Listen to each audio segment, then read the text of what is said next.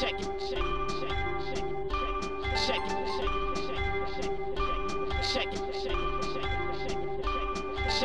Kolejnym odcinku Codrive.pl specjalnie dla nas wywiad z Robertem Kubicą prosto z Asen. Pierre Gasly jako lider Alfa Tauri. Jaka przyszłość czeka Francuza? Pomówimy także o atrakcyjności Formuły 1 i zmiany kolejności na starcie. Czy to dobry pomysł? W Mercedesie gramy w otwarte karty. Toto Wolf uważa, że Valtteri Bottas ma równe szanse w walce z Lewisem Hamiltonem. Cezary tłumaczy skąd tak duże problemy Roberta Kubicy w DTM-ie. Na koniec wrócimy wspomnieniami do Mugello nawiązując do najbliższego weekendu. you.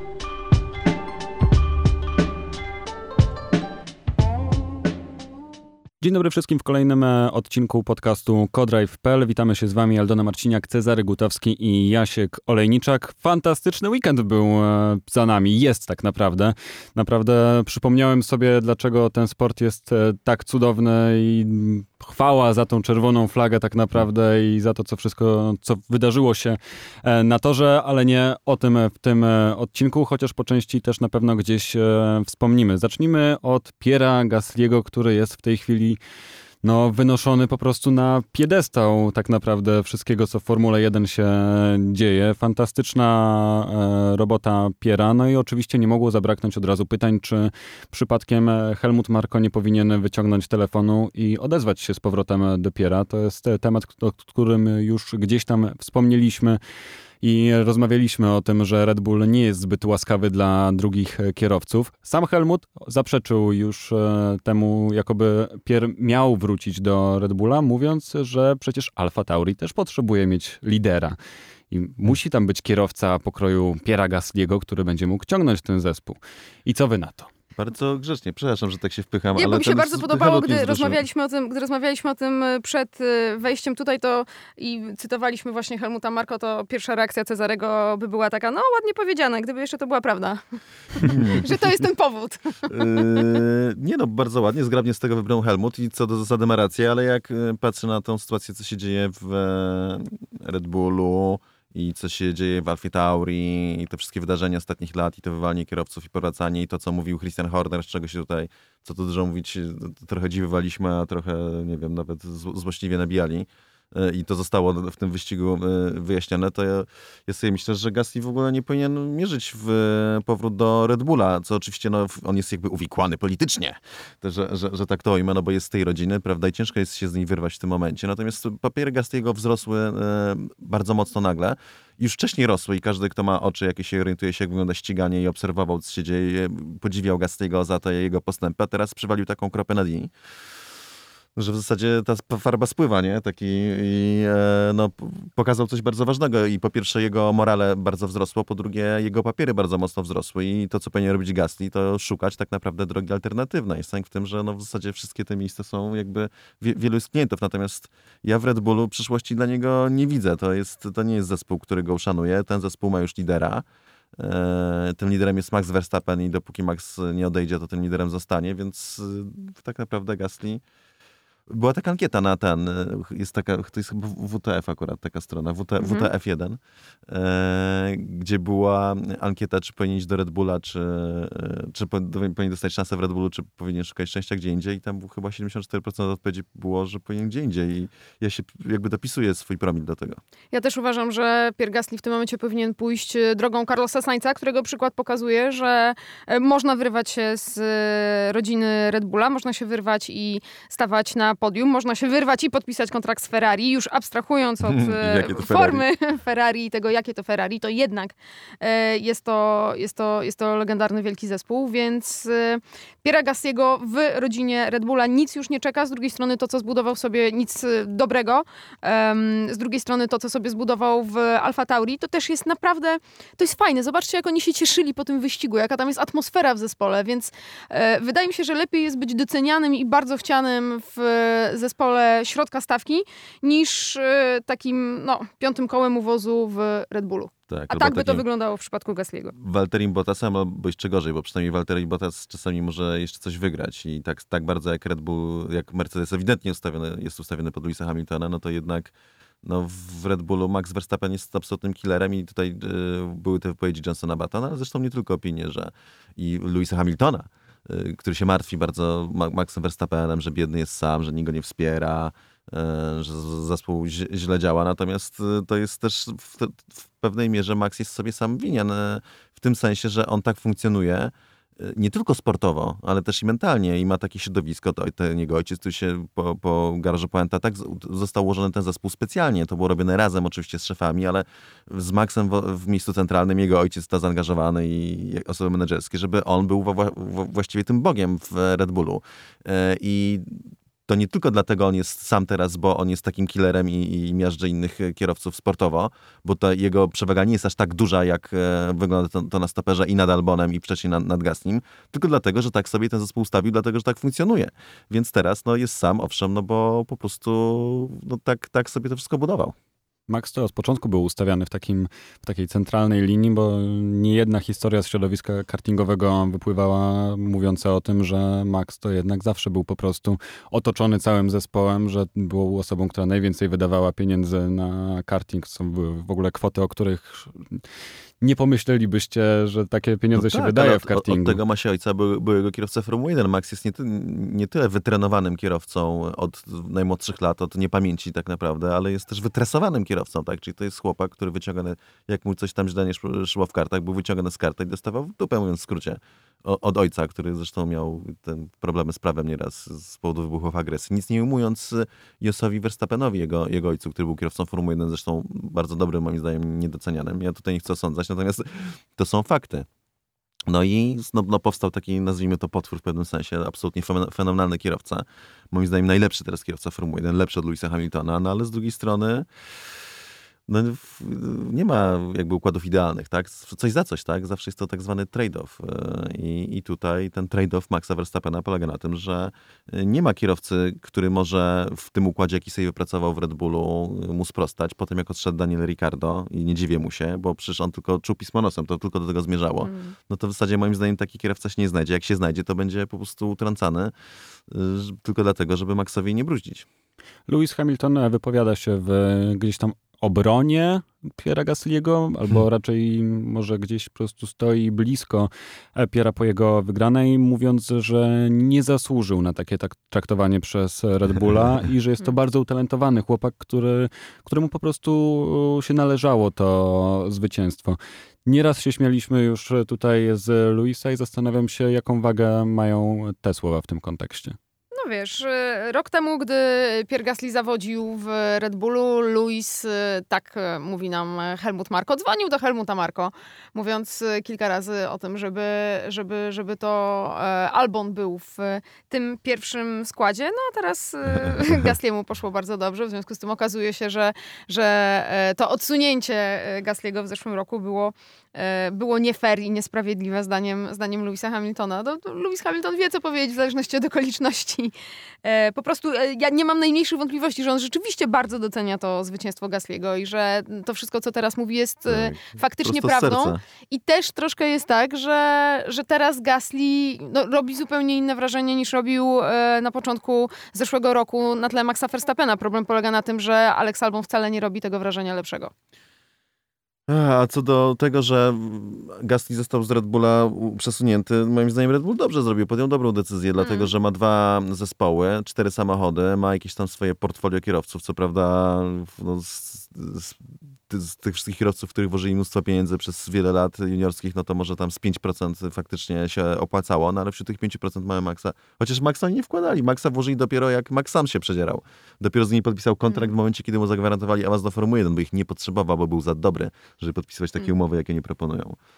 No i mamy takiego Gasniego i no, no ewidentnie e, on przeżywał kryzys i no, nie sprostałby temu wyzwaniu, jakie stawiał przed nim nie tyle Max Verstappen, a chociaż także, ale generalnie w ogóle presja startowania w topowej ekipie, która ma jednego lidera, na którego pracuje, tak, i wszyscy ludzie, każdy, kto może wybrać, to wybiera pracę przy samochodzie, przez tak działa w środku, przy samochodzie mm. Maxa Maxa. Verstappena i to, to, cała mentalność, przecież wszystko działa przeciwko Gasniemu, natomiast też Gasni sobie za bardzo nie poradził, natomiast został cofnięty do Toro Rosso i pokazał, że ma jaja, mówiąc w skrócie, że po prostu jest facetem, który ma twardą psychikę, który za, zacisnął zęby, że ma duszę prawdziwego sportowca z najwyższej półki i po prostu zamiast się załamać jak Daniu Kwiat i tutaj mówić całemu światu, pokazać, jaki on, on to jest źle poszkodowany, bo on jest najlepszy na świecie tak naprawdę, tylko świat tego nie chce docenić, bo tak się tak naprawdę zachował Daniel Kwiat, to po prostu pokazał na torze, że on jest kierowcą, że, że on jest taki, jak to pokazały te pierwsze starty w Red Bullu na tle i teraz, na, na tle Verstappena. I teraz de facto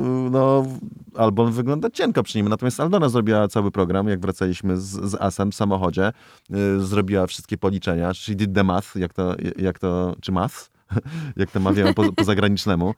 E, I bardzo fajnie jakby zostawiła te jakby wszystkie zależności między e, Albon, e, Kwiat, e, Gasly, Kwiat, Albon, Verstappen, Gasly, Verstappen. Więc jeżeli teraz możesz w telegraficznym skrócie, odsyłając do twojego materiału, który jest bardzo dobry, powiedzieć, jaki wniosek wyciągnęłaś?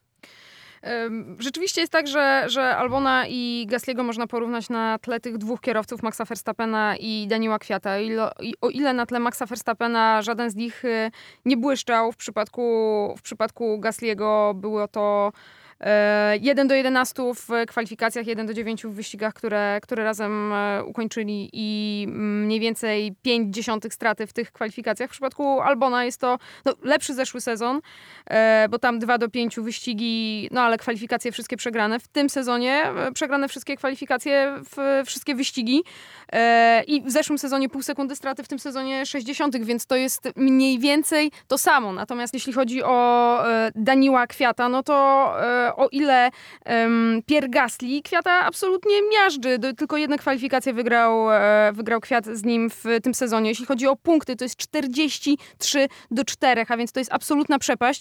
To przypomnijmy sobie, e, jakie statystyki miał Alex Albon na tle Daniela Kwiata w zeszłym roku, zanim został awansowany do Red Bulla. Przegrywał Alex Albon 16 do 27, do 27 w punktach, 5 do 7 w kwalifikacjach, 3 do 6 w wyścigach.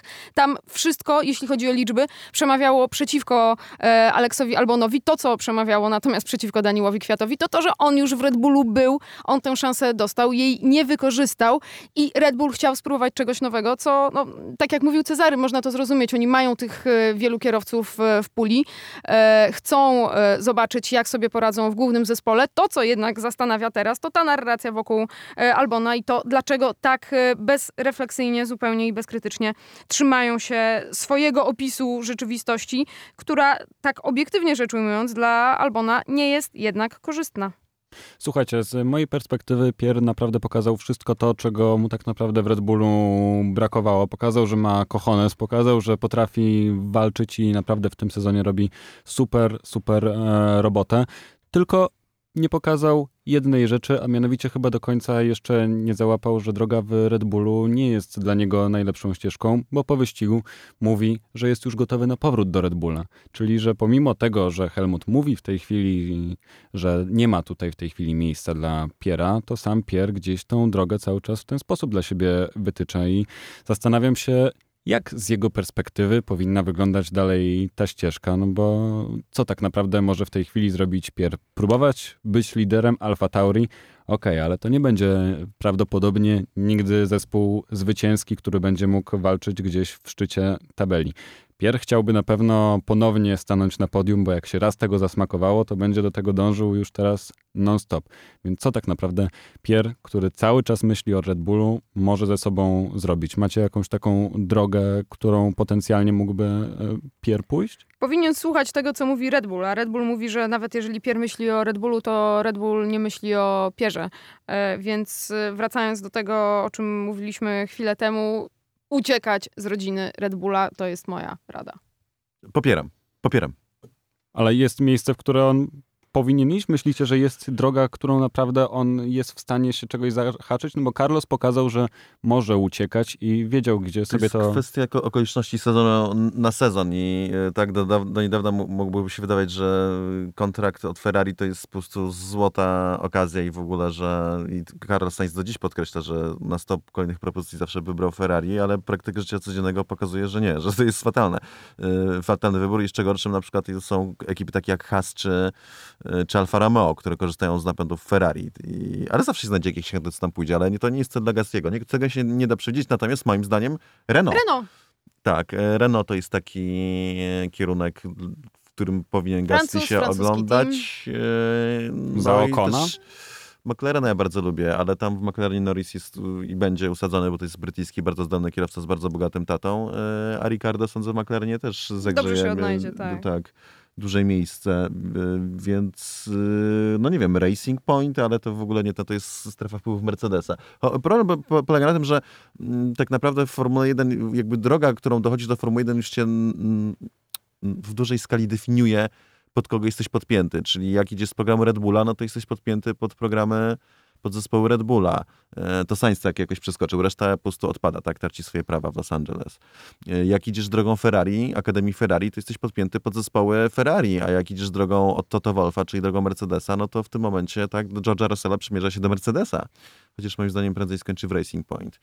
I Renault jest jednym takim, jedynym miejscem, które nie ma swój program młodych kierowców, ale moim zdaniem bez szału, natomiast jest to francuski team, który no, powinien przyjąć francuskiego kierowcę. Co prawda mają Okona, ale Okon jest kierowcą Mercedesa. Teraz, a dwa Okon, co tu dużo mówić, szału nie robi. To Gasly jest teraz ten hot, tak? Hot name Formuły 1. Jakie są jeszcze zespoły Formuły 1? Bo już na, naprawdę brakuje mi koncepcji, jak się czasami mawia, gdzie jeszcze ten biedny Gasly mógłby pójść. No tak to naprawdę jest uwięziony w Red Bullu. Dopóki nie przyjdzie ktoś, nie ma... Red, Renault to jest taki Renault za Okona tylko, że on teraz wygrał wyścig, tak? A jak przez następne parę miesięcy będzie mu się gorzej wiodło i na przykład jego los się odmienią i nagle kwiat zacznie błyszczeć, znaczy w to nie wierzę, ale on zacznie gorzej od, kwiata, od, od kwiata, to na to nie pozwoli, ale takie numery się dzieją w sporcie motorowym, no to w tym momencie no to zwycięstwo będzie zapamiętane bardziej jako tutaj, że farta miał. Chociaż to nieprawda. Owszem, miał szczęśliwy układ, ale on to zwycięstwo wyjeździł, to jest zwycięstwo kierowcy.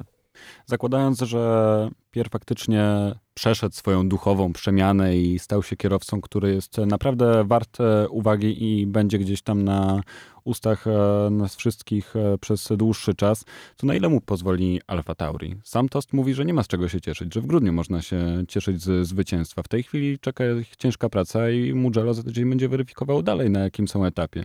Trzeba pamiętać cały czas o tym, że ta czerwona flaga jednak bardzo dużo odmieniła w tym wyścigu i co tak naprawdę Alfa Tauri może pokazać? No, pewnie to nie jest tak, że nagle się okazuje, że Alfa Tauri jest zespołem, który może wygrywać wyścigi, który może stawać na podium. To jest ich drugie zwycięstwo tej ekipy e, z e, bazą w Węzie w historii. Jest to pierwsze zwycięstwo od 2008 roku i, i Sebastiana Fetela, także mm, jej miejsce absolutnie nie jest tam. To był dobry zbieg okoliczności, e, który jest jeszcze przyczynkiem do dyskusji, czy może, czy może czegoś nie zmienić w regułach e, F1, o czym zaraz pewnie powiemy w formacie weekendu. Natomiast generalnie to jest zespół na czwarte miejsce, piąte miejsce. To są wielkie, wielkie sukcesy. Tak, też mi się tak wydaje. Po prostu on musi pokazywać swój talent na tle, tak? W sensie. W, hmm. I to już to porobił wcześniej, że na tle kwiata i zważywszy na okoliczności. A bardziej jakby pytanie tkwi, jakby brzmi, na co mu Red Bull pozwoli, ale to myślę, że już e, na inną bajkę. Zostawmy w takim razie e, Alfa Tauri i Piera Gasliego i przejdźmy na standardowy przód tabeli, czyli do Mercedesa, a konkretnie do pieniędzy, którymi będą mogli dysponować pojawiła się informacja, że Mistrzostwo Świata, tak w cudzysłowie, w cudzysłowie mówiąc, kosztowało Mercedesa ponad 300 milionów funtów. Ogranic... 333. Dokładnie. Prawie jak 666. E, od e, przyszłego roku tych pieniędzy aż tyle nie będzie możliwych do wydania, ale sam Toto Wolf mówi, że przecież są wielką organizacją, która potrafi się zorganizować tak, żeby wydawać mniej pieniędzy i oni w dalszym ciągu są na pozycji, w której to oni są wygrywający i dzięki temu wiedzą, jak zadysponować pieniądze, żeby nadal wygrywać. Na co wydać zawsze się znajdzie, e, mhm. to z całą pewnością. To jest kwestia tylko kanałów i żeby to nie wszystko szło na ten sam zespół. No tutaj jest, bo chodzi o to, że się wszyscy chyba zastanawiają, jak to zrobić, żeby no jakoś ten Mercedes przestał już wszystko wygrywać, bo jak to sam ujął Toto Wolff i to był piękny cytat, że Mercedes przegrał wyścig, ale wygrała Formuła 1. Wzruszyło mnie to, bo było to bardzo szczere, prawdziwe, natomiast definitywnie podkreśla tylko to, że po prostu jak Mercedes wygrywa, to Formuła 1 przegrywa. Szczerze, mm. jak to odwracając, jak wygrywa za długo, tak? I y, chodzi o to, że no, ta, ta cyfra mnie uderzyła, te 333 miliony funtów. E, no bo jak dodać drugie 333, to by wyjaśniło skąd ta ich, prawda, 666 to już było wiadomo, że to jednak to za tym kryje siła nieczysta.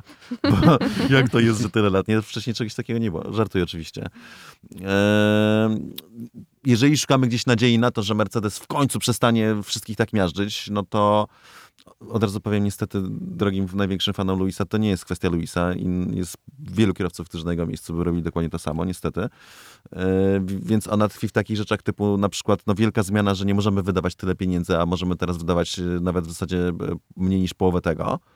Chociaż tak naprawdę to więcej, ale bo, bo te, restrykcje nie dotyczą całej Formuły 1, tylko są pewne wydatki wyjęte ponad, poza to.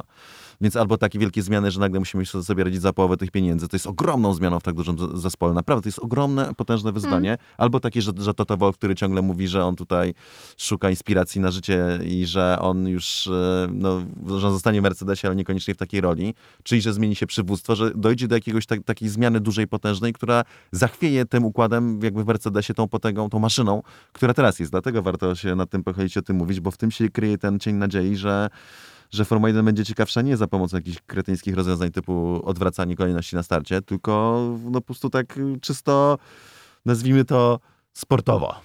Na pewno na miejscu innych y, zespołów y, pochyliłabym się nad y, listą pracowników Mercedesa, bo z 1016 osób, które pracują w tym teamie, na pewno sporo będzie musiało odejść. Przejdźmy w takim razie do tego, co dzieje się w środku e, Mercedesa dalej, czyli że do rywalizacji Luisa z Walterem. Tutaj znowu posłużę się Toto Wolfem, który odbija piłkę, mówiąc, e, że to nie jest nie, Luis nie, to on sam wyjeżdża te zwycięstwa. Walteri jedzie tak, jak powinien jechać, zgodnie z tym, jak pracuje e, zespół. I nie ma tutaj żadnej różnicy pomiędzy Luisem a Walterim. A to, że Luis akurat ma szybszą taktykę, wynika tylko z tego, że dla dwóch kierowców przygotowali dwie różne taktyki. Że jedna okazała się szybsza, to wcale nie znaczy, że jeden z kierowców jest faworyzowany. I co? Znaczy czy nie znaczy? Nie, to jest ten jeden, jakby, jest oczywiście zjawisko zbiegów okoliczności Formuły 1, których jest, jest bardzo, bardzo dużo i tu zbiegiem okoliczności, co prawda są wszelkie sygnały z najróżniejszych stron technicznych, nietechnicznych, strategicznych, e, z wypowiedzi, z reakcji nawet e, na zwycięstwo jednego albo drugiego, czy nawet jakieś, jakieś wymknie wypowiedź tutaj, że jak wygrywa Luis, a Bottas nie dojedzie, to jest wszystko cudownie, a jak wygra Bottas, a coś jest z Luisem, to to jest takie słodko-gorzkie zwycięstwo i tak dalej. E, to są zbiegi okoliczności, one nie wskazują, to w broń Boże nie ma nic wspólnego z układem sił w zespole. Nie, nie, nie.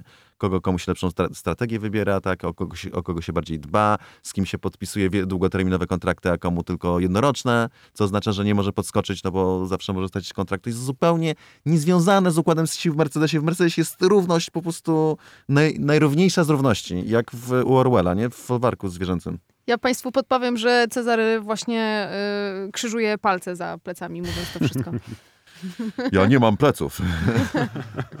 nie no, ale słuchajcie, to to zawsze gramy w otwarte karty. To są jego słowa i gramy fair. Tak, tak. zawsze to, to, to, oczywiście, że tak. To, Formuła 1, mówię, to jest tak cudownie się zrobił teraz sport jeszcze i generalnie nie tylko Formuła 1, sfera publiczna, że możesz jakby wychodzić i w żywe oczy ludziom mówić rzeczy takie, no co do których można stanąć w sprzeczności, ale to jest tylko twoja opinia, że ten, to, to jest tylko twoja opinia, prawda? I, i no, mówię, no, mój ulubiony przykład z ostatnich dni to jest to, jak Otmar Schaffnauer broni honoru swoich inżynierów, którzy tak ciężką pracę wykonali, żeby wykonać ten zespół, a im się zarzuca, że to plagiat Mercedesa zeszłorocznego.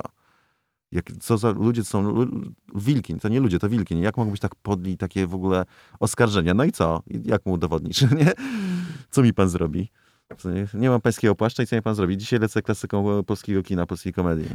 E, I tyle, no. I prawda czasu, prawda ekranu. Znowu ten, ten sam film, ten sam cytat. Z Misia wszystko idzie. Wiem, że młodsze pokolenia nie do końca kojarzą, ale to bardzo uniwersalne. Jak się obejrzy Misia uważnie, to to bardzo dobrze pokazuje teraz... Nawet Formuła 1. Jak działa Formuła 1, tak. Jak jest teraz... Szczerze, mówię, mówię serio, tam to zjawiska...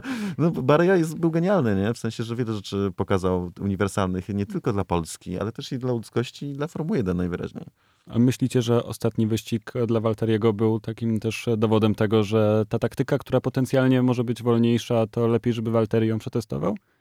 Ale oczywiście, że tak, że, to, że opony warto też sam sprawdzić, czy, czy to akurat dobry wybór, żeby te opony założyć, czy jednak nie, no to ale to do, do tego służbani ci równi kierowcy, ale jednak numer dwa. Jak można ugłaskać Walteriego w momencie, w którym on podczas wyścigu już zaczyna mówić, że ten tryb silnika to jest jakiś żart, że to jest ewidentnie coś tutaj nie gra, no bo już ta, jak takie komunikaty wychodzą na zewnątrz, to gdzieś tam, znaczy podejrzewam, że nie tak naprawdę, ale no idzie gdzieś w świat jednak taka informacja, że e, tutaj ten Walteri wcale nie jest tak równo traktowany, że to nie jest wcale fair, bo jeżeli Luis da radę z e, prawie ostatniego miejsca dojechać na ósmym, a Walteri się skarży na szóstym miejscu, że nie jest w stanie jechać, to co? Siódmy, siódmy był Luis. Siódmy.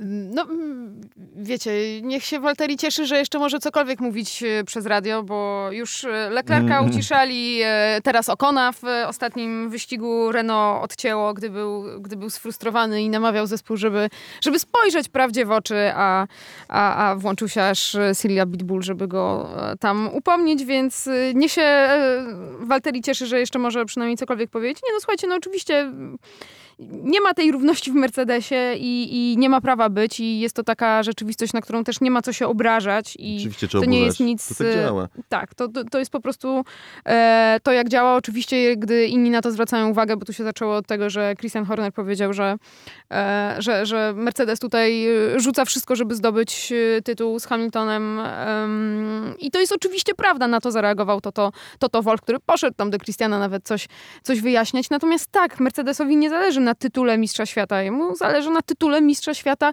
Louisa Hamiltona. I, mm. i, i tak to Który działa. jest, dodajmy, lepszym kierowcą od Bottasa.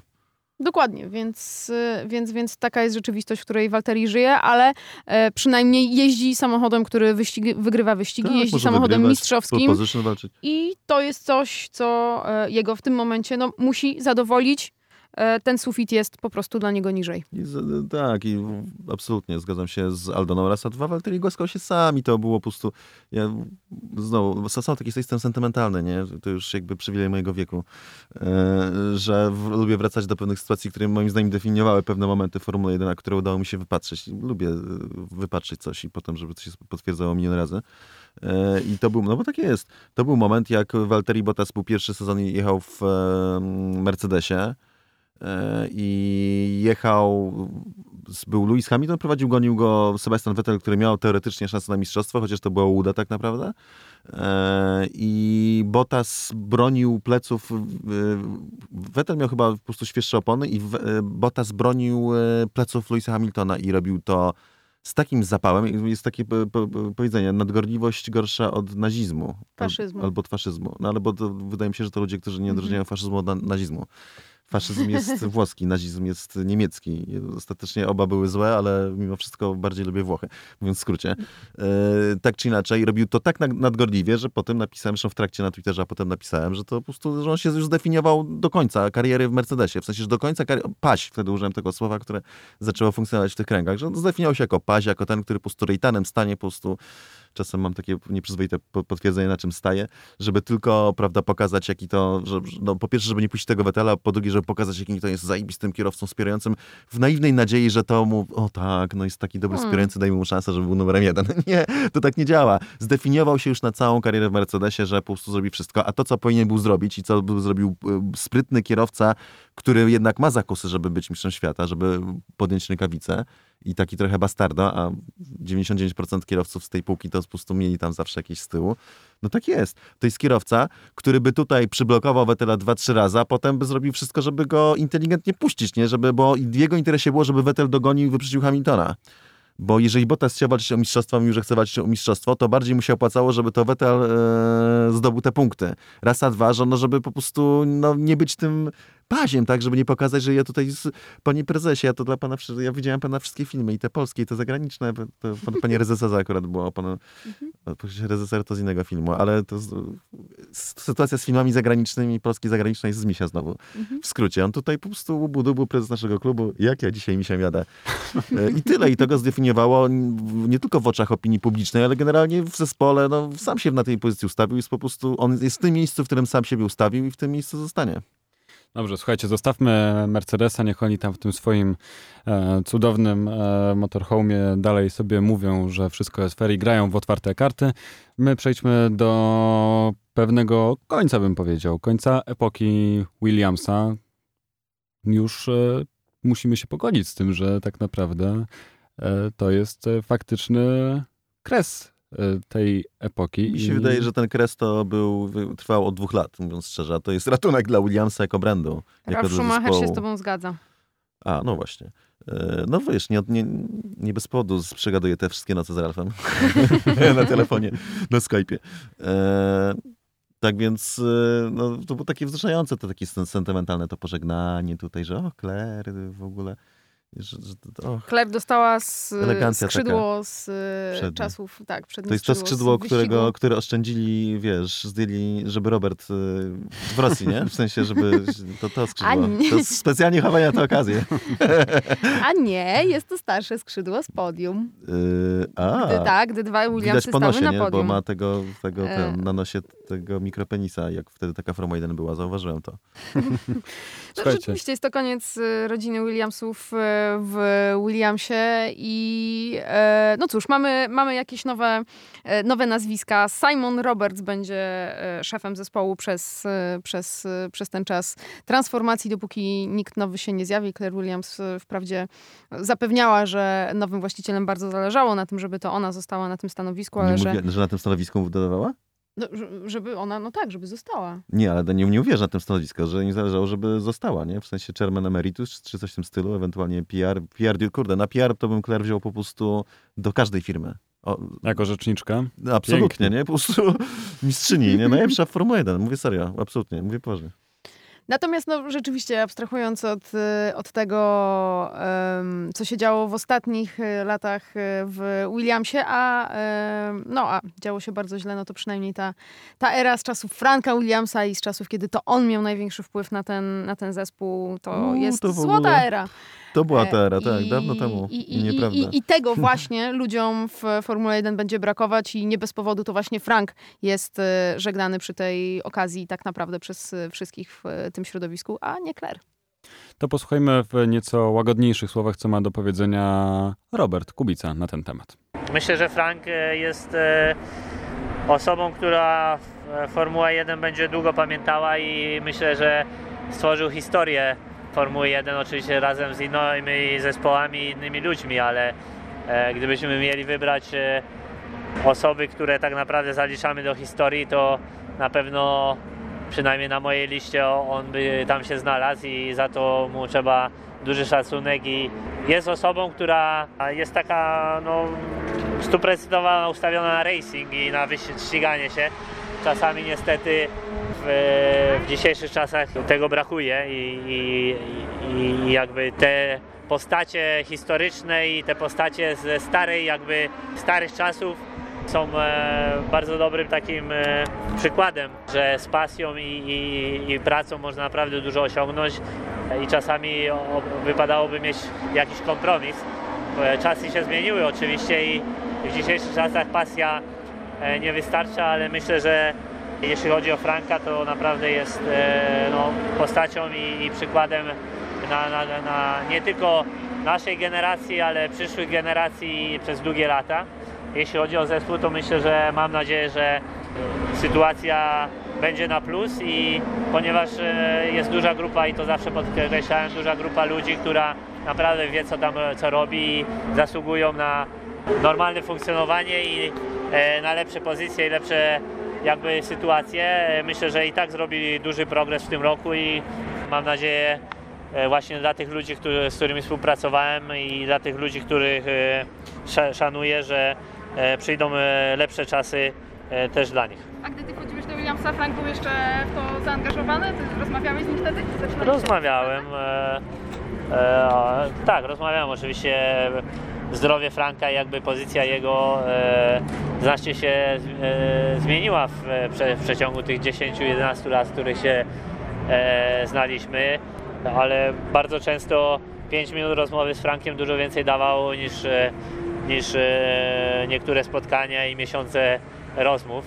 Także Czasami nawet mówiłem mu, że bardzo z miłą chęcią bym go zaprosił na niektóre nasze spotkania. Także od razu widać, mimo że jego stan zdrowia niestety jest jaki jest, to nadal jakby podejście do motorsportu i podejście do pewnych tematów jest takie bardzo racingowe i, i, i, i to, co tak naprawdę ludzie tacy jak ja, którzy robią tylko i wyłącznie to dla pasji, sobie bardzo cenią. Ulubiony fragment tej wypowiedzi e, z ust Roberta to jest William zasługuje na normalne funkcjonowanie. Hmm. Piękne słowa, fantastyczne. Moim zdaniem absolutnie definiuje wszystko to, co działo się i wydaje mi się, że naprawdę Robert widział tam dużo rzeczy, o których kiedyś e, oby zechciał wam, nam opowiedzieć, bo podejrzewam, że syf, jaki tam się odbywał przez te ostatnie lata, to jest e, średnio wyobrażalny w tej chwili na, na nasze standardy. Ale myślicie, że. Bo tak, Robert żegna z takim dużym szacunkiem Williamsa.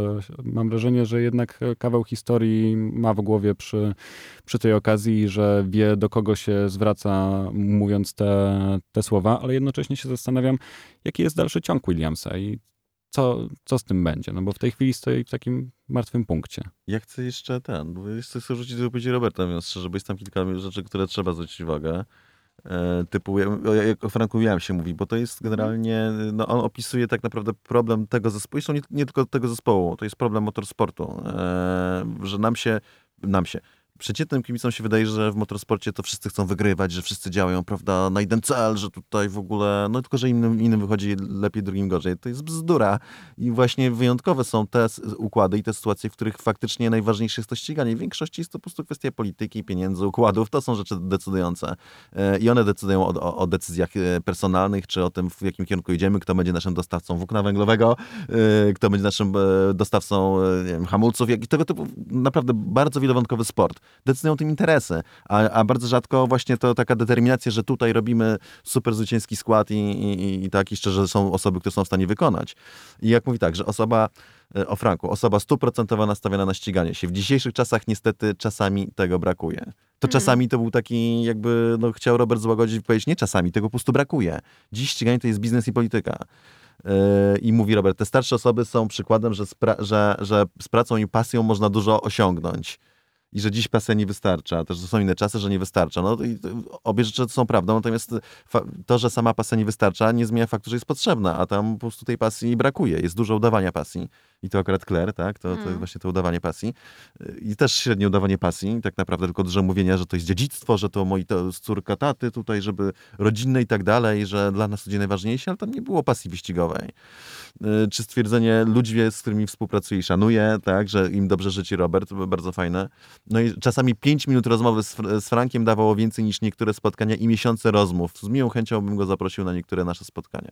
Frank już był za stary, nie miał na to wpływu, tak samo jak Patrick Head był, że niby tutaj Patrick pomoże i tak dalej. To są ludzie nie z tego pokolenia, nie, nie, mm. tak, nie ta epoka, nie ta Formuła 1. Natomiast mentalność bardzo ważna. No i to mówię, te 5 minut rozmowy dawało więcej, to tylko pokazuje, jak w jakimś coś to się tam mieliło w tym Williamsie. To jest po prostu już tak daleko od, oddalone. Zresztą to nie, nie, tylko problem Williamsa moim zdaniem, ale tam wybitnie. Tak daleko oddalone jakieś takie clue w ogóle od tego, no, wystarczy wspomnieć, tak to jest coś, o czym Robert y, mówił nie tak, potem już mówił bardziej konkretnie, że przecież BMW z Zauber zrezygnowało z walki Mistrzostwa Świata.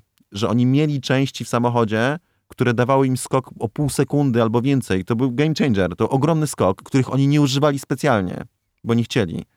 Więc o czym tutaj mówimy w ogóle? Nie, to było ile temu? To było 12 lat temu. O czym tutaj mówimy? Gdzie, jakie tutaj jeden cel, wygrywanie i tak dalej? To jest mit. Formuła 1 prawdziwa, czy wyścigi wyglądają inaczej. Naprawdę wyjątkowe okoliczności, wyjątkowe jednostki są w stanie tak to ustawić w, w, w oparciu o wyjątkowe struktury, w ten sposób, żeby, żeby, żeby zrobić coś takiego, co zrobił Toto Wolff w Mercedesie. I to właśnie doceniał bardzo Robert Kubica w Williamsie i dlatego nie powinno nas dziwić, gdy on z kolei mówi, że, że to nastawienie w, w 100% racingowe, jak to, jak to mówi tak. Robert, to, to nie jest rzecz oczywista. To jest coś, co jest jednak, e, jakkolwiek paradoksalnie by to nie brzmiało, wyjątkowe. I no tak, no i w tych współczesnych czasach trochę tego brakuje. Ralf Schumacher mówi, że tak jak już wspomnieliście, że za późno że Williams jest już za późno, żeby cokolwiek z tym e, zrobić. I zastanawiam się, czy faktycznie to jest taka historia, która się skończy prędzej czy później tragicznie, bo teraz zespół de facto ma gdzieś e, szansę na zaczęcie czegoś e, nowego, ale czy w tej chwili bez jakiejś takiej naprawdę gruntownej przemiany całego zespołu, czyli de facto stworzenie czegoś zupełnie nowego, to czy Williams ma jeszcze w ogóle w tym momencie cokolwiek do, do zrobienia tak, aby coś faktycznie z tego wyciągnąć? Wiecie, ja głęboko wierzę, że to nie, nie, nie wygląda tak, że trzeba, że trzeba zwolnić wszystkich pracowników i, i, i e, wprowadzić wszystko od nowa i zaczynać wszystko od zera. Nie, tam po prostu potrzeba e, bardzo dobrego zarządzania. Tam trzeba Lidera. właściwych ludzi na właściwym miejscu i to nie jest kwestia wymiany 100 osób, e, tylko to jest kwestia kilku osób, które dobrze to wszystko poukładają, dobrze poukładają organizację, dobrze dobiorą e, współpracowników, więc e, moim zdaniem to jest szansa dla, dla, dla Williamsa, nowy inwestor, tylko on się teraz musi, e, nowy właściciel, tylko oni teraz muszą się wykazać e, rozsądkiem też e, biznesmenów dobrych, e, ale też ludzi, którzy, którzy, którzy rozumieją motorsport. No pytanie, kto będzie chciał do tego Williamsa przyjść, bo to też nie jest takie, takie proste, ale fakt, że dzieje się to teraz w przededniu m, nowych regulacji, to jest szansa na nowe otwarcie, a pamiętajmy, że jednak w tym sezonie Williams poszedł do przodu, e, nie jest najsłabszą ekipą e, Formuły 1 tak zdecydowanie, jak e, był w zeszłym sezonie, gdy tak właściwie w tej Formule 1 nie jeździł de facto, patrząc, patrząc na czasy, więc ja myślę, że to może być nowa szansa. Williams potrzebuje kogoś, kogo naj- najtrudniej zdobyć, czyli po prostu prawdziwego szefa, faceta właśnie takiego z wizją, z ambicjami, z, ty, z tymi cechami, o których... O. No a kogo? No, nie oszukujmy się. Nie, ja Gdyby tak była uważam, taka ja kobieta, tak jeśli uważam. jest, to nie będzie kobieta, ale kogo, takiego widzisz no, w ostatnich czasach? Nic nie Nie, ujmując, w ale Formule 1 nie. e, Monisha Kaltenborn, szefowa Saubera, tak, najgorsze Mm. jakby sprowadzenie Saubera no, nie, za dobrze nie było. Ale teraz Frederick Wasserfa, co też tak naprawdę z, de facto pod jego rządami w Alfie Romeo się dzieją dziwne rzeczy, tak? Typu, że Kimi Raikkonen opieprza, mówiąc w skrócie, mechaników, żeby, że- żeby Mm. blankety założyli. Tu, teraz, natychmiast. Facet siedzi w samochodzie, dyryguje nimi, jak wcześniej Sebastian Vettel mechanikami Ferrari zresztą. Przy taki, to, to powinno być oczywiste. I fakt, że założyli potem miękkie opony nowe, nic nie zmienia. Raikkonen uważał, że powinno się jechać dalej na tych samych oponach twardych Mm. i to byłaby pewnie lepsza decyzja. Tak więc potrzebna, potrzebna jest y, y, takiej osoby, o której mówi Robert y, w kontekście tej właśnie pasji tego Franka Mhm. Williamsa, kogoś, kto będzie miał absolutnie y, nieskazitelną mm, y, jak to ująć? Nie, nie, moralność to bardzo y, takie słowo y, górnolotne, ale taką etykę pracy i w Mhm. ogóle y, jakąś cel w życiu, po prostu pasję taką, ale też nie, nie pasję wariata, tylko pasję osoby bardzo rozsądnej i y, know-how, jak to wszystko wcielić, tak? Że, nie będzie się zastanawiał nad tym, y, kogo tutaj wrzucić do samochodu, bo kogo bardziej lubi, a kogo mniej lubi, tak? I bo dzisiaj ma lepszy humor, a, dziś, a jutro gorszy. Jak na przykład szef, no dobra, nie będę wymieniał, ale bliskiego nam zespołu, mówiąc w skrócie, jest taki chimeryczny. Taką osobę jak Andreas Zajdel na przykład, czyli szef McLarena, Mm. kogoś takiego. Dokładnie ten, ten, ten, ten typ osobowości. Człowiek motorsportu, y, tak o niezachwianych wartościach, który po prostu jest profesjonalistą i, i jakby jego punktem honoru jest to, żeby robić najlepiej to, to co robi i wykorzystać swoje umiejętności najlepiej jak potrafi, żeby budować zespół, tak? Za co bierze zresztą bardzo dobre wynagrodzenie, ale przede wszystkim satysfakcję z tego czerpie, robiąc no, doskonale rzecz, do której został powołany. Takiej osoby i to jest bardzo ciężko znaleźć taką osobę, bo tylko taka osoba będzie w stanie po pierwsze to po- poukładać, ale przede wszystkim tylko taka osoba przyciągnie inne osoby kompetentne, które będą chciały zaryzykować w ogóle w pracy z Williamsem. Bo owszem, znajdzie się ich sporo, natomiast takich, którzy naprawdę mogą sobie w tym momencie siedzieć w innej dobrej ekipie, no to już bardzo mało. Bo przykład Paddy'ego Lowa z Mercedesa do Williamsa, tutaj taki szef w ogóle. I kim się okazał Paddy Low? Co, co, co w Mercedesie, co, co w Williamsie się działo za Paddy'ego Low? Przecież to ostatni jakby, ostatni skok, do tak, do tego bajora, w którym jakby dno, beczka mułu, jeszcze okazało się, że można przebić dno tej beczki i pójść niżej, tak? Tak więc y, tak, osobę, która poprowadzi, prawdziwy lider, który oczywiście przy budżecie odpowiednim, poprowadzi, ułoży, poprowadzi zespół i przyciągnie kluczowe osoby do tego, żeby ten zespół mógł wrócić do wielkości. Czyli re- recepta jest prosta, właśnie muszę ją opatentować. To jest najcięższe zadanie tak naprawdę i to jest praca na lata.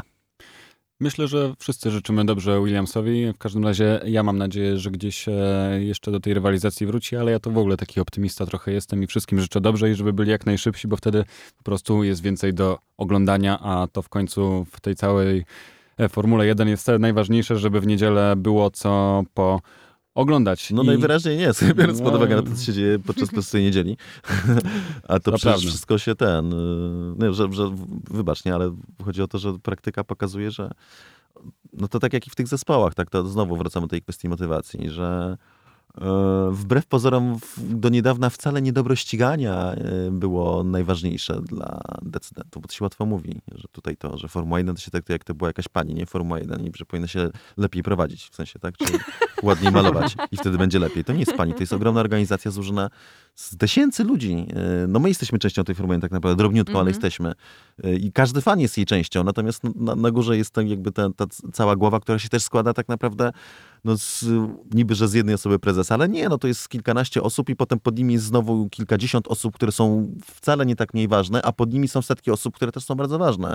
I nie tak łatwo jest wszystko to ustawić, po, poukładać, tak, interesy jeszcze zespołów, koncernów, które biorą w, to, w, tym, w tym udział, strefy wpływów, biznes, u, u, zrobić to tak, żeby przez jeden pan powiedział, słuchajcie, robimy tak i tak i będzie dobrze. No niestety, tak to nie działa. To skoro już wywołaliśmy ten temat e, Formuły 1 i tej pani, to co myślicie o odwróconych e, startach? Taki pomysł się pojawił, żeby reverse grid zaczął Bullshit. występować. Nine. Nine. No dlaczego? W Nine. niższych seriach to się W niższych seriach, właśnie to, właśnie, no, no, no, to jest odpowiedź. Ale no, słuchajcie, wyobraźcie e... sobie, że Williamsy z, zeszłoroczne muszą startować na pierwszym, drugim miejscu i Lewis Hamilton musi przebić się na sam przód. No co, nie byłoby bardziej widowiskowo? Nie, no, znaczy, A słuchajcie, formuła, Formuła 1 musi być, e, musi być szczytem motorsportu. W szczycie motorsportu musisz e, doceniać tych, którzy wykonali najlepszą robotę i konstruktorów, i kierowców. E, nie ich za to karać. Więc e, możemy się obrażać na rzeczywistość, w której Mercedes nam e, wszystko wygrywa, natomiast zabieranie uczciwie wypracowanej przewagi w sztucznymi rozwiązaniami to jest po prostu, dla mnie to nie jest sport. To jest, to jest wbrew duchowi rywalizacji. Ja wiem, że wszyscy się ucieszyliśmy, ponieważ po raz pierwszy od 2012 roku nie było na podium żadnego kierowcy Mercedesa, Ferrari i Red Bulla i zadziało się coś ciekawego. Najmniejsza różnica na mecie 40 od 10 lat, od dekady, więc to są takie statystyki, które przemawiają nam do wyobraźni i wydaje nam się, że znaleźliśmy łatwą receptę na to, jak to zrobić, żeby za każdym razem było ciekawie. E, ale nie, to, to, to nie jest ta recepta. Nie odwracanie kolejności, nie zabieranie e, zespołom czegoś, co, co wypracowały, co e, normalnie uczciwie walczyły. Sztuczne fałszywe ściganie w ogóle absolutnie bez sensu. Nie pasuje do Formuły 1 w żadnym stopniu i nigdy nie powinno mieć miejsca. Znaczy, powinni tego byli spróbować, kiedy była okazja, żeby dwa wyścigi na jednym torze, na zasadzie takiej ciekawostki, ale y, nie, to nie może być permanentne y, rozwiązanie. Tak samo jak i ten jakby równanie osiągów, czyli na, przykład dociążanie szybszych samochodów. Nie, mm. absolutnie to nie jest miejsce w Formuły 1, ale byśmy rozmawiali o tym, jak naprawić Formułę 1 i ja się upieram, jestem przekonany, że to jest właśnie ta recepta.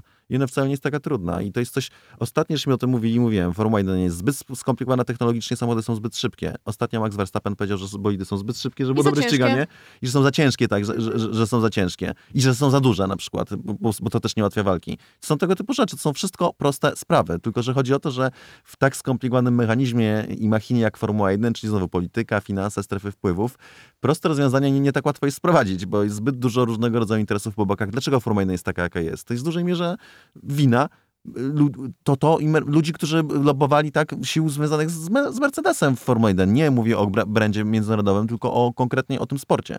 Przecież to oni to, i to z poparciem Ferrari, nie? które naiwnie, a to było najbardziej zabawne, co też zresztą nie chwaląc się przewidziałem, tak, że Ferrari teraz tutaj z Mercedesem rączka w rączkę i zostaną wyrolowani, zostali wyrolowani. Yy, dwie siły potężne, dwa koncerny po prostu poprowadziły Formułę 1 w tym kierunku, w którym jest jeszcze gorzej niż było kiedykolwiek. A skorzystał oczywiście tylko jeden, yy, ten sprytniejszy, czyli Mercedes i lepiej zorganizowane, niemiecka machina. E, tak więc recepty nie są wcale takie ciężkie, ale najtrudniejsze jest po prostu doprowadzenie, żeby one weszły w życie, tak? Żeby jakby. Te... ale kierowcy o tym mówią przecież. Normalne opony, prostsze mhm. samochody, e, lżejsze. Y, węższe też, ostatnio znowu wyszło i kierowcy mają dokładnie świetną receptę na to, żeby było dobre ściganie, tylko że kto słucha, słucha kierowców. kierowców. Albo ewentualnie czerwona flaga i kara dla Louisa Hamiltona, wtedy też nie najgorzej się te wyścigi ogląda, co pokazał ostatni weekend. Co prawda nie chcielibyśmy, żeby tak zawsze wyglądało, bo jednak ciekawie jest równą walkę oglądać, ale, ale takie urozmaicenie wiesz, bardzo było przyjemne.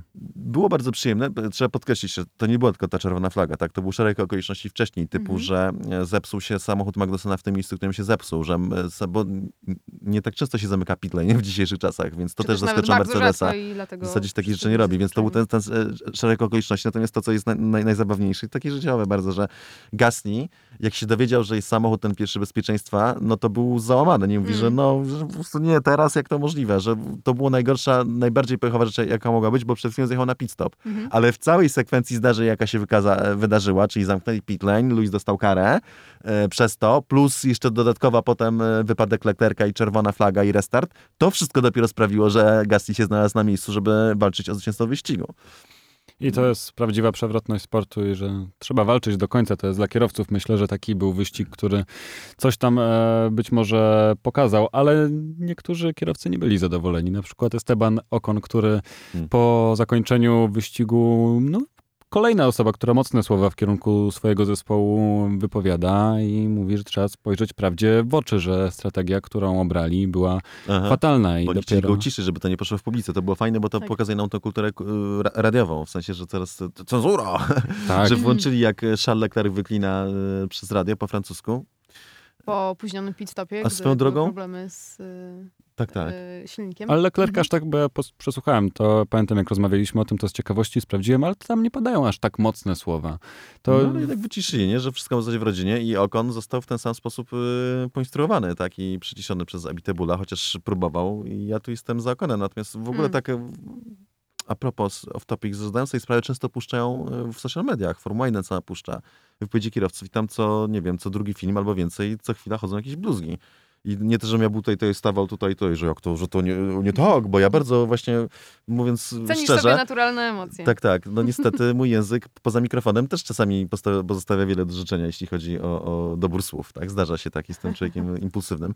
E, Natomiast co do za- zasady, no tak aż mnie to zastanawia, nie? Czy, czy, to nie, czy to nie za dużo, czy to nie przesada. Ja się zastanawiam, czy nie jest przesadą to, że inżynier chciał tutaj wyciszać e, Estebana, bo z jednej strony widzisz, się zastanawiam, czy to nie jest tak, że Esteban trochę jest jednak e, za małym e, graczem tutaj, żeby mógł się odszczekiwać i mówić zespołowi, że to, Mhm. to wy mi popsuliście wyścig, to wy. To trochę jak e, z Daniłem Kwiatem, a, a z drugiej strony, no dlaczego nie? To on jest kierowcą i faktycznie dlaczego nie może, skoro sam nie jest w stanie wyjeździć, to dlaczego nie może spróbować przynajmniej strategią czegoś wyjeździć?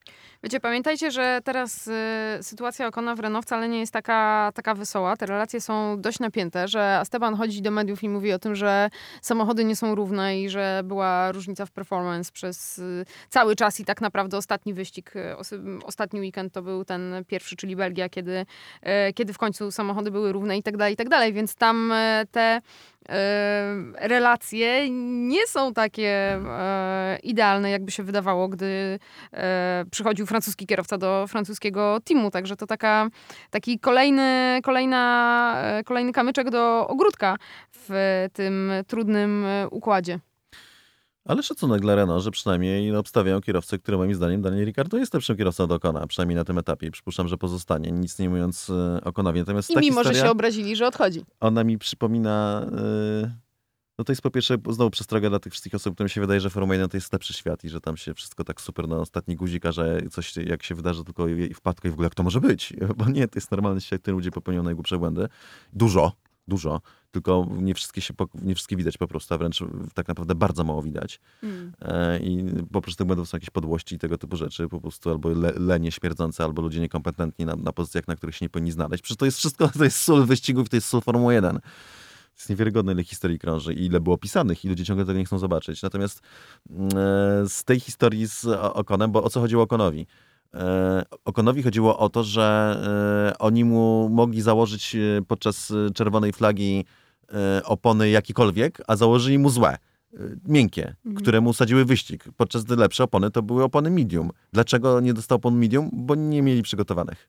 Mhm. Przecież to jest żart, nie? To, to jest Formuła 1. Znaczy żart, dla mnie to jest normalne, bo ja tych historii no, słyszałem widziałem mnóstwo w całym przekroju motorsportu. Natomiast no, z tego punktu widzenia, że wszyscy chcą wygrywać, że wszyscy tutaj, ten, czasami się zdarzy błąd, no to jest w ogóle jakiś absurd, nie? To jest normalność. A mówię o tym dlatego, że przecież tego samego dnia na Asen Robert jechał wyścig w DTM-ie i była sytuacja, ja, ja akurat byłem w garażu, y, i była sytuacja, no ja obserwowałem, jak tam zespół, no co tu dużo mówić, są debiutantami, to widać na, na każdym kroku, nie? Typu na przykład jak mieli wywieźć podczas, bo też na czerwonej fladze zmieniali opony na gridzie. Jak oni szykowali te opony, to po prostu, jak już mówiłem w, chyba dwa razy, można było z tego zrobić sąsiadów, nie? W sensie ten, ten bajka, że mu, muzykę mm -hmm. puścić i zrobić filmik i to było po prostu przezabawne, gdyby nie fakt, że chodzi o poważne sprawy, tak? O, o wyniki.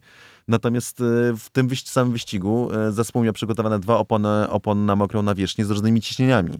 I na wypadek, gdyby było padało bardziej, to były jedno opony, a na wypadek, gdyby przestało padać, były drugie. I oni te opony zamienili, nie? W sensie, że zdali mu, przepraszam, że się śmieje, no ostatecznie to, można się śmiać albo płakać. To już wolę się uśmiechnąć. Hmm. Zamiast mu dać te właściwe, to dali mu te złe opony. No i w tego samego dnia jesteśmy hmm. w innym miejscu na torze Monza, wyścig Formuły 1, czyli znacznie wyżej od DTM-u i mamy zespół Formuły 1, który nie miał gotowych nie opon. ma gotowych opon, które by sprawiły, że zdobyliby o wiele więcej punktów. A i dlaczego nie mieli, nie wiem, co oszczędzają na kocach grzewczych, czy co? Czy ktoś, nie wiem, zapił i zapomniał podłączyć? To Valve chcą oszczędzać na kocach. Tak, Valve chcą oszczędzać na kocach. To, to, to Kimi wprowadzone. To też jest, te ostatnie teksty Kimiego, one bardzo pokazują prawdziwy motorsport. Jak on mówi, tak, na przykład, że yy, wypadł, mówi, o, wypadł, nie, tak, mówi o Giovinazzi, który go wcześniej blokował, że zamiast tak naciskać, to powinien mnie przepuścić po prostu, bo nie był w stanie tak szybko jechać. I w, w skrócie, nie, to, ale mm. szczerze, twarde żołnierskie słowa prawdy od weterana motorsportu. I tak samo potem wprowadzone do boksu ochrzania i mówi przez radio, żąda od zespołu, żeby do cholery założyli te użył słowa mhm. brzydki, w te koce grzewcze na opony natychmiast teraz, tak, żeby te opony były gotowe. A się okazało, że mu założyli miękkie, nie? czyli jeszcze gorsze w zasadzie, tak, bo Kimi Räikkönen jechał drugi w tym wyścigu i nie zdobył punktu. Był 12 czy 13? Przecież to jest jakiś w ogóle absurd. I co zrobić, jak nic nie można zrobić? A swoją drogą jestem ciekawy, co by było w sytuacji, gdyby Kimiego ktoś próbował uciszyć e, w tym momencie. Wydaje mi się, że bardzo ciekawa wiązanka mogłaby z tego e, wyjść. Ale słuchajcie, zmierzajmy powoli e, ku końcowi. Najbliższy weekend Formuły 1 na torze Mugello. Na początku e, naszych spotkań tutaj podcastowych e, zastanawiałem się, czy przypadkiem nie jest to jakaś szansa na to, żeby E, ta rywalizacja została urozmaicona pod tym względem, że zespoły będą musiały jednak przygotować się na obiekt, którego nie znają tak dobrze jak chociażby Monzy. I jak myślicie? Ten weekend będzie w jakimś stopniu zaskakujący dla nas, czy tak naprawdę klasyka gatunku nas czeka, a w dodatku jeszcze bardzo smutna, bo tysięczny wyścig Ferrari, który będzie tak naprawdę osadzony w realiach pogrążonego w klęsce po prostu silnikowej Ferrari? No tak, to będzie, to będzie stypa, na pewno będzie specjalne malowanie i... Jaka stypa? Przecież to jest tysięczny start Ferrari w Grand Prix Formuły 1, to będzie wielkie święto. Przepraszam, że jestem złośliwy. no tak, bo, bo, ty, bo ty wierzysz na słowo Mattii Binotto, który mówi, że nie ma kryzysu w Ferrari. Tak, ja dlatego. we wszystkich słowach wierzę. Nie? Co, co, co szef zespołu jakiegokolwiek Formuły 1 nie powie, to od razu wszystko bierę bez kryzysu. Szczególnie takie rzeczy, jak opowiada. Nie, nie, nie, to nie jest plagiat. Y, nie, nie, nie, nie jesteśmy w kryzysie. Natomiast faktycznie, jeśli chodzi o sam tor, to ja liczę na to, że coś się tutaj wydarzy. Fajnie jest zobaczyć nowy, nowy obiekt w Formule 1. Fajnie jest zobaczyć y, tor, którego zespoły nie znają, gdzie będą musiały się przygotowywać do tego e, w, no, wszystkie zaczynając od, od, od, od zera. Moim zdaniem, znaczy będzie inny niż na Mondzie, bo ten układ sił się zawsze zmienia Formuła 1 nie tylko w tym sezonie, w zależności od tego, jaki mamy rodzaj toru, czyli jakie komponenty w samochodzie, jaki rodzaj opon, jaka będzie pogoda. Y, fakt jest taki, że to jest tor nowy dla wszystkich, że w zasadzie żaden zespół Formuły 1 go nie zna w tej konfiguracji. No nie, pierwszy wyścig, tak, Mistrz Świata na Mugello w ogóle. Więc tutaj to, to, będzie taki element niespodzianki.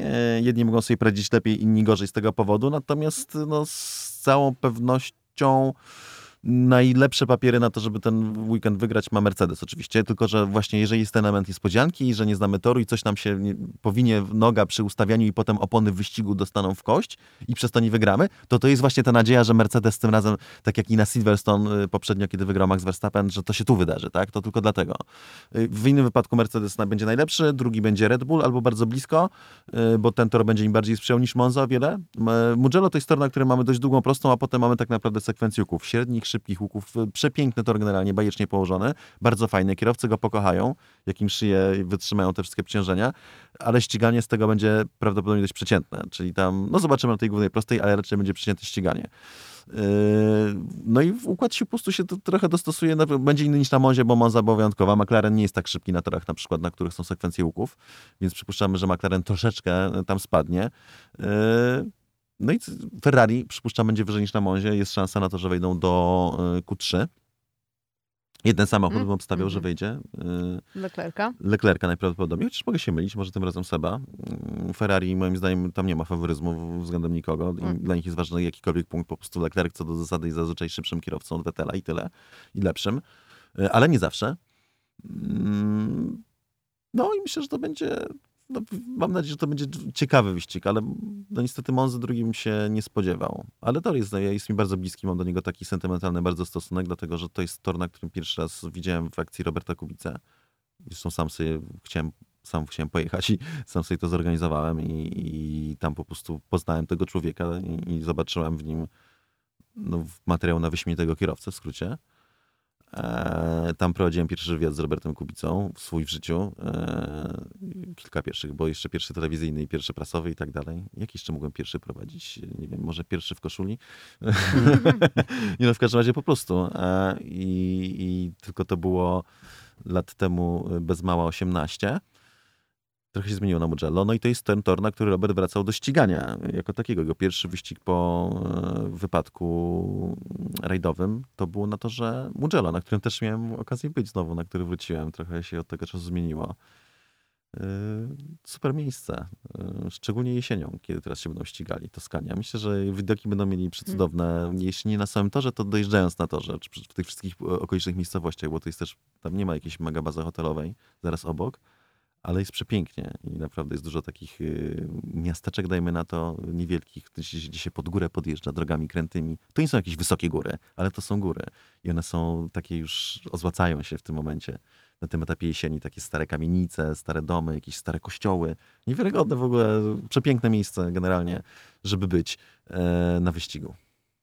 Nie chcę tutaj nikomu źle życzyć, ale parafrazując memy, które po wyścigu ostatnim się ukazały, to gdyby Mercedesowi się powinęła noga i w tym wyścigu, to mhm. myślę, że Formuła 1 by na tym e, skorzystała. W każdym razie mielibyśmy co oglądać. O Nürburgringu też możemy, myślę, że co nieco powiedzieć, bo też ten weekend będzie pod tym e, mhm. znakiem nam upływał. Ale tutaj mm, myślę, że mimo wszystko bez jakiegoś wielkiego optymizmu, bo chociaż mm. Robert ma za sobą najlepsze wyniki w DTM-ie teraz Wasen i najlepsze jeśli chodzi o e, kwalifikacje, bo była w niedzielę dziesiąta mm, pozycja startowa i najlepsze jeśli chodzi o sam wynik, bo z kolei tutaj w sobotę był jeden punkt, to tak naprawdę podstawowe problemy nie zostały mm, rozwiązane i cały czas jest e, kłopot z ustawieniem tego auta, które pracuje w innych oknach niż pozostałe BMW. Cały czas e, Robert jest y, na granicy z tymi ustawieniami. Powiedział y, nam w ten weekend, że no, wybór ma taki, albo nie ma przyczepności w ogóle, albo wie, że nie będzie miał jej czasami.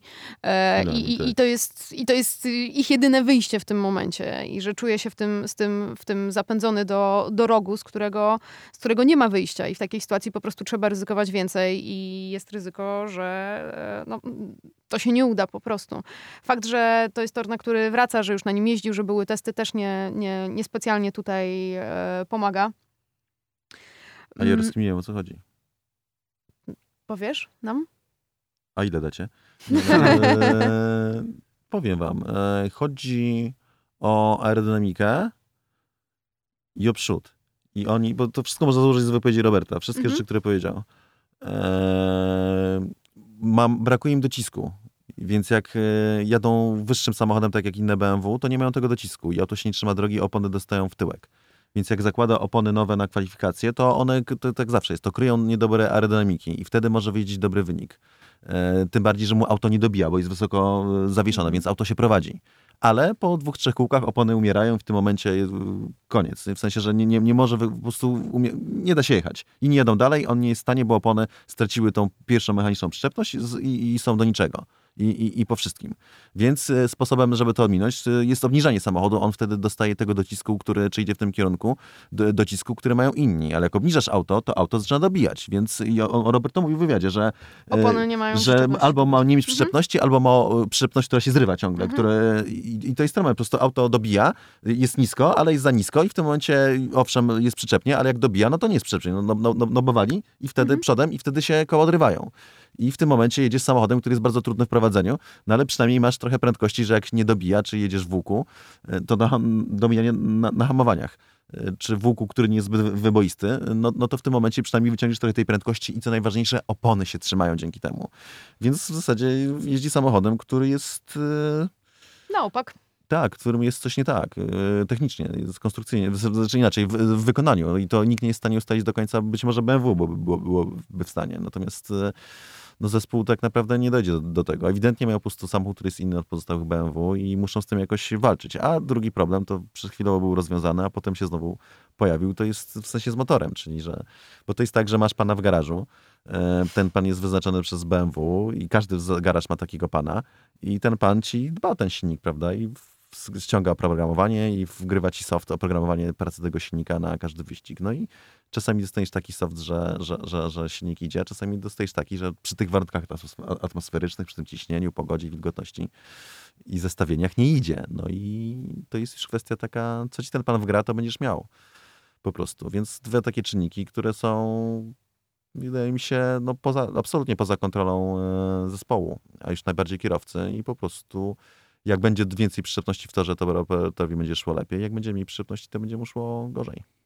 Miejmy nadzieję, że będzie jakaś szansa na powtórzenie dobrych rezultatów, bo myślę, że cieszymy się mniej więcej z tego, że coraz lepiej to gdzieś tam wygląda i jakieś światło w tunelu się pojawia i oby Nürburgring również pokazał, że zespół idzie cały czas do przodu. Niech pan od silników dobry soft gra w hmm. końcu tor niemiecki, więc e, powinien znać go całkiem e, dobrze i miejmy nadzieję, że i zarówno we Włoszech, jak i w Niemczech będziemy mieli po prostu kawał dobrego ścigania. I z tym przesłaniem Was zostawiamy. Aldona Marciniak, Cezary Gutowski, Jasie Kolejniczak. Dziękujemy bardzo.